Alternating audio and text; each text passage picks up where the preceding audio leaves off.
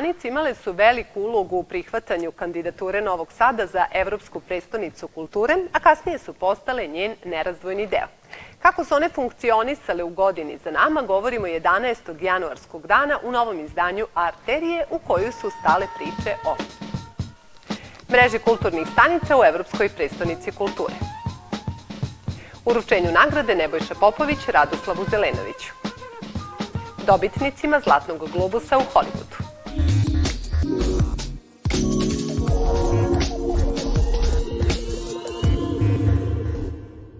Novi model organizacije kulturnog života Novog Sada u koji su uključeni i sami građani predstavljaju kulturne stanice koje su se poslednje četiri godine umnožavale jedna za drugom.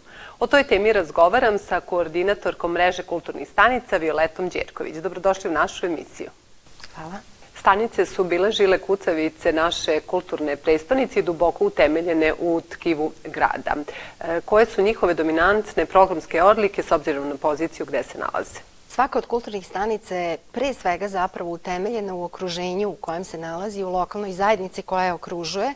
E, to je možda manje ili više prepoznatljivo i na prvi pogled uočljivo e, od stanice do stanice, ali to zaista jeste suština rada svake kulturne stanice. Ideja jeste bila da se e, svim građanima Novog Sada, bez obzira na to da li su u samom centru ili jako blizu centra ili su pak e, udaljeni od centra na periferiji ili u nekom od prigradskih naselja, da se svima njima zapravo približi kultura, umetnost, da im se kulturni život učini dostupnijim i da se oni uključe u taj kulturni život život ne samo kao publika i to je čak možda i važniji zadatak kulturnih stanica e, da budu na neki način e, platforma i podrška e, lokalnim zajednicama za izražavanje njihovih kreativnih potencijala i ideja i mi smo tu u stvari kao, da tako kažem, neki dobri anđeo koji im pomaže u realizaciji tih ideja. Mi smo se često pitali nakon početka rada kulturnih stanica s kraja 2018. i u 2019. godini pre COVID-a gde su se svi ti programi dešavali e, pre otvaranja kulturnih stanica i nekako smo zajednički došli do odgovora na to pitanje koji glasi da zapravo se mnogi od tih programa nisu ni dešavali i da zaista kulturne stanice jesu podstakle ljude na tu vrstu organizacije i samoorganizacije. Evo mi se sada nalazimo u kulturnoj stanici Barka e, koja je nedavno obeležila e, godinu dana veoma aktivnog rada I tu zapravo svakodnevno sve vrvi od dešavanja u kojima zaista učestvuju e, ljudi koji žive ovde u ovoj okolini, u ovom okruženju, da li su to deci iz lokalne škole, da li su to penzioneri, da li su to ljudi koji se bave određenim kulturnim aktivnostima na jedan, i to ne nikako u pežorativnom smislu, amaterski ili entuzijastički način, ali prosto e, dešavanja su, dešavanja su svakodnevna i to je ono što na neki način jeste bio osnovni cilj. Da li su u kulturnim stanicama gde se odvijao ogroman deo programa u godini za nama ispunjeni svi zadati ciljevi, naročito oni vezani za participativnost? Upravo je sad to povezano sa ovim e, prethodnim e, pitanjem. E, brojke su vrlo impresivne. Mi smo dakle od kraja 2018. ali da računamo da je to taj neki četvorogodišnji e, period, e, u svim kulturnim stanicama imali više od 66.000 e, posetilaca, što su zaista impozantne ove, cifre. Imali smo 3.500 izvođača, na hiljade programa i sve to su gledali dakle ljudi iz tih lokalnih zajednica, oni su činili publiku, ali isto tako su oni kreirali te programe, tako da e, taj cilj je postignut i on je negde uočen e, u fazi pripreme e, za aplikaciju za Evropsku predstavnicu kulture u istraživanju koje je prethodilo izradi strategije kulture grada Novog Sada i to obično zvuči ljudima dosadno, strategija, strateški plan i tako dalje, ali izradom te strategije su zaista mapirani neki ključni problemi na koje se pokušao dati odgovor kulturne stanice bile su odgovor na uočeni problem preterane centralizacije kulturnog života i mislim da je taj odgovor pokazalo se za sada dosta dobar. Nadam se da će biti još bolji u godinama koje slede. Kako će funkcionisati mreža kulturnih stanica ove godine, a naročito u noći 13. januara za doček? Ovde u Barci gde se sada nalazimo e, e, biće priređen koncert e, Ivane Peters i Đorđe Davida u Svileri Sana Garić. U Ećšegu, evo ja biram na primer Ećšeg, posebno zanimljiv program savremeni džez Ejot. U Kovilju će biti, kao što sam već rekla, dakle njihova kulturno-umetnička društva i pevačka družina, dakle jedna prezentacija njihovog kulturnog nasledđa, a, mislim da će biti još nekih e, iznenađenja, ali, ali da ne pričamo o svemu. U Bukovcu e, e, ženska tamburaška družina La Banda i opera za decu, s obzirom na to da smo u 2022. koja je bila godina titule, bili skoncentrisani na zvanične programe koji su bili deo projekta Evropska predstavnica kulture, sada će biti mnogo više mesta. Nažalost, prošle godine nismo mogli da odgovorimo svim zahtevima naše lokalne scene. Iz tog razloga sada će biti više prostora za to. Hvala vam na izvenu radnom vremenu.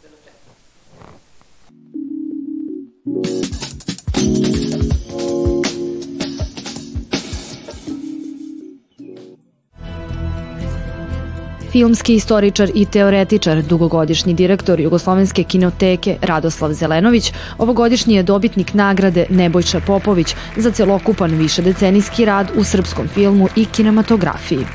Priznanje za doprinos promociji i kritičkom promišljanju filmske umetnosti i kulture uručeno mu je u dvorani Kulturnog centra Beograda u okviru filmskog maratona Pavla Levija. Radoslav Zelenović izdvojio se kao jedan od najvećih domaćih stručnjaka na polju kinematografije, a u njegovom dugogodišnjem radu aktivno je učestvovao u osnivanju filmskih manifestacija poput Festa, festivala kratkometražnog filma, filmskog festivala u Sopotu, festivala filmskog scenarija u Vrnjačkoj banji.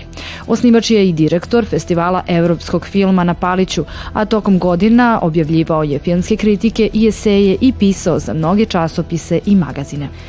Ja sam svoju karijeru počeo pre 50 godina u Domu omladine, pa u televiziji, po kinoteci, po Akademiji nauka i bilo je nagrada, međutim moram reći da mi je ova posebno draga zbog toga što nosi ime čoveka koji je na razno razne načine zadužio pokretne slike. Više institucija, među kojima je i Jugoslovenska kinoteka 2016. godine, ustanovili su nagradu Nebojša Popović u znak sećanja na filmskog novinara i kritičara, koji je, kako stručnjaci navode, svojim celokupnim delovanjem promovisao ljubav prema filmu, kao i njegovo duboko intelektualno promišljanje.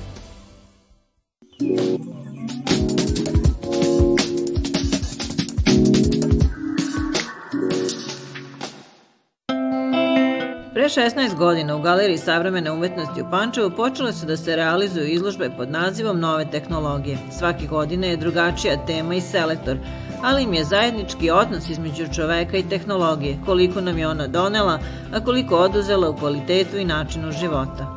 Pokušavamo koliko god da približimo uh, publici kako uopšte uh, se razvija taj odnos tehnologija i umetnika, i to je potreba koja je praktično sad već došla prirodno s obzirom da živimo u svetu novih tehnologija a, i trudimo se da bude što interaktivnija izložba, da bude interesantna i da se približi publici na što bolji način.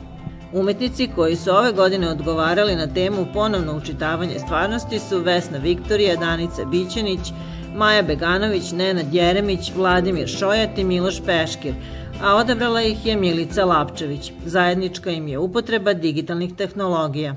Mislim da je ovaj rad e, Danice Bićanić koji e, od publike zahteva da stave virtualne naočare e, na glavu i da praktično uđu u sliku, nešto što je onako vrlo interesantno i nije do sad viđeno u galeriji, pa je to onako nešto što bi mogla da kažem da, da su sa ne, na neki način interesantni radovi. Jedan od zaključaka koji je selektor izvukao jeste da su tehnološki i civilizacijski razvoj naše vrste u dubokom neskladu. Umetnost je tu da ukaže i na svoj način obrađuje takve teme.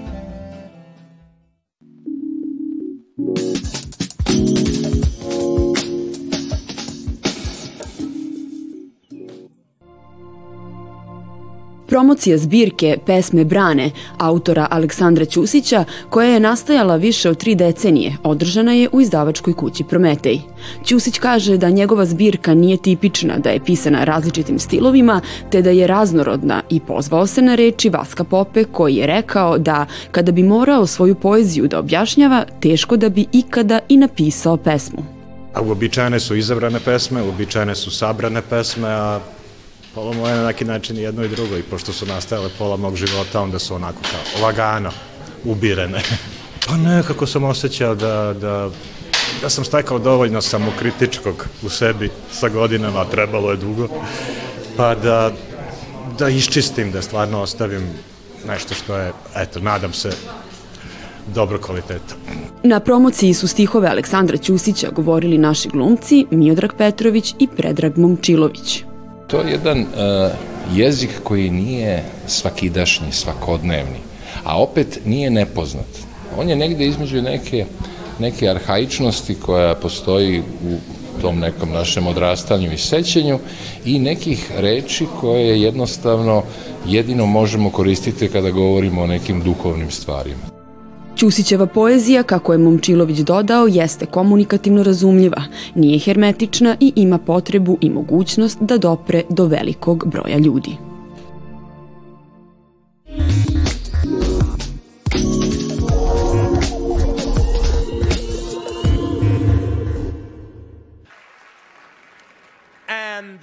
Osamdeseta ceremonija dodele nagrada Zlatni globus, druge po redu najveće nagrade Hollywooda, održana je noćas u Los Angelesu. Nakon nekoliko godina ugroženih pandemijom covid i kritikama javnosti usmerenim na diskriminativnu organizaciju Zlatnog globusa, ovogodišnja manifestacija vratila je stari sjaj. Mogli bismo ga opisati kao pobedu starih favorita uz par iznenađenja. Dakle, po nagradama sudeći bila je ovo godina Martina McDone i Stevena Spielberga. And the Golden Globe goes to... Hey, Brad Pitt. Crna komedija Banči iz Inišmora, poznatog dramatičara Megdone, odnele tri nagrade. Za najbolju filmsku komediju ili musical, najbolji scenario, a za mušku ulogu Colin Farrell. Kako neki od vas već znaju, ja sam napisao ovaj scenariju za dve zvezde u mom filmu, Magaricu Jenny i Kobilu Mini. Nadao sam se da će Jenny biti večeras nominovana, ali ona je žensko, a pošto je ovo Zlatni globus, valjda je prerano. U stvari napisao sam ovaj film za Colina Farela i Brendana Glisana i kao i obično, njihova izvedba me je potpuno oduvala. Za tumačenje lika Elvisa Prislija u biografskom filmu Baza Lurmana, Austin Butler, kome ovo bila prva nominacija, osvojio je Zlatni globus za najbolju mušku ulogu. A Kate Blanchett je proglašena za najbolju dramsku glumicu za interpretaciju dirigentkinje u biografskom filmu Tar. Triumfalni povratak velikog majstora Stevena Spielberga sa do sada njegovim najintimnijim filmom Fabelmanovi donao je nagradu samom filmu, ali i njemu kao reditelju. I've been hiding from this story Skrivao sam se od ove priče od svoje 17. godine. Mnogo elemenata te priče već mi se našlo na putu. Tokom cele moje karijere već sam je pričao u detaljima i delovima. I ti ima mnogo veze sa njom. I bliski susreti su usko povezani, ali nikada nisam imao hrabrosti da idem pravo u centar priče dok mi Toni Kušner, dok smo radili u Minhenu, što je bilo davno, nije zatražio da ispričam od početka sve priče iz svog života, o kojima je stalno slušao. Glumac i komičar Eddie Murphy primio nagradu Cecil B. DeMille za svoju decenijama dugu karijeru. To je vrlo lepo. Želim da se zahvalim Hollywoodskom udruženju stranih novinara što su mi ukazali ovu čast. Ja sam u show biznisu 46 godina, a u filmskoj industriji 41 godinu. Tako da je u pitanju dugi period stvaranja. Želim da se zahvalim Paige i svojoj divnoj deci za ljubav, podršku i inspiraciju. Hvala vam. And, uh, all of my amazing children for your love and support Za ovogodišnji Zlatni globus glasalo je grubo oko 200 novinara i ostalih iz međunarodne filmske industrije. Među njima je skoro 52% rasno etnički različitih, od čega je 10% afroameričkog porekla. Izložba međunarodnog konkursa Umetnost za novu nenasilnu kulturu mira biće otvorena sutra u digitalnom omladinskom centru Gradske biblioteke u Novom Sadu. Pored izložbe i uručenja nagrade, bit će održan okrugli sto i potpisan manifest respektabilne umetnosti nove nenasilne kulture mira. Vidimo se sutra u terminu rezervisanom za susret sa umetnošću i njenim akterima. Prijetno!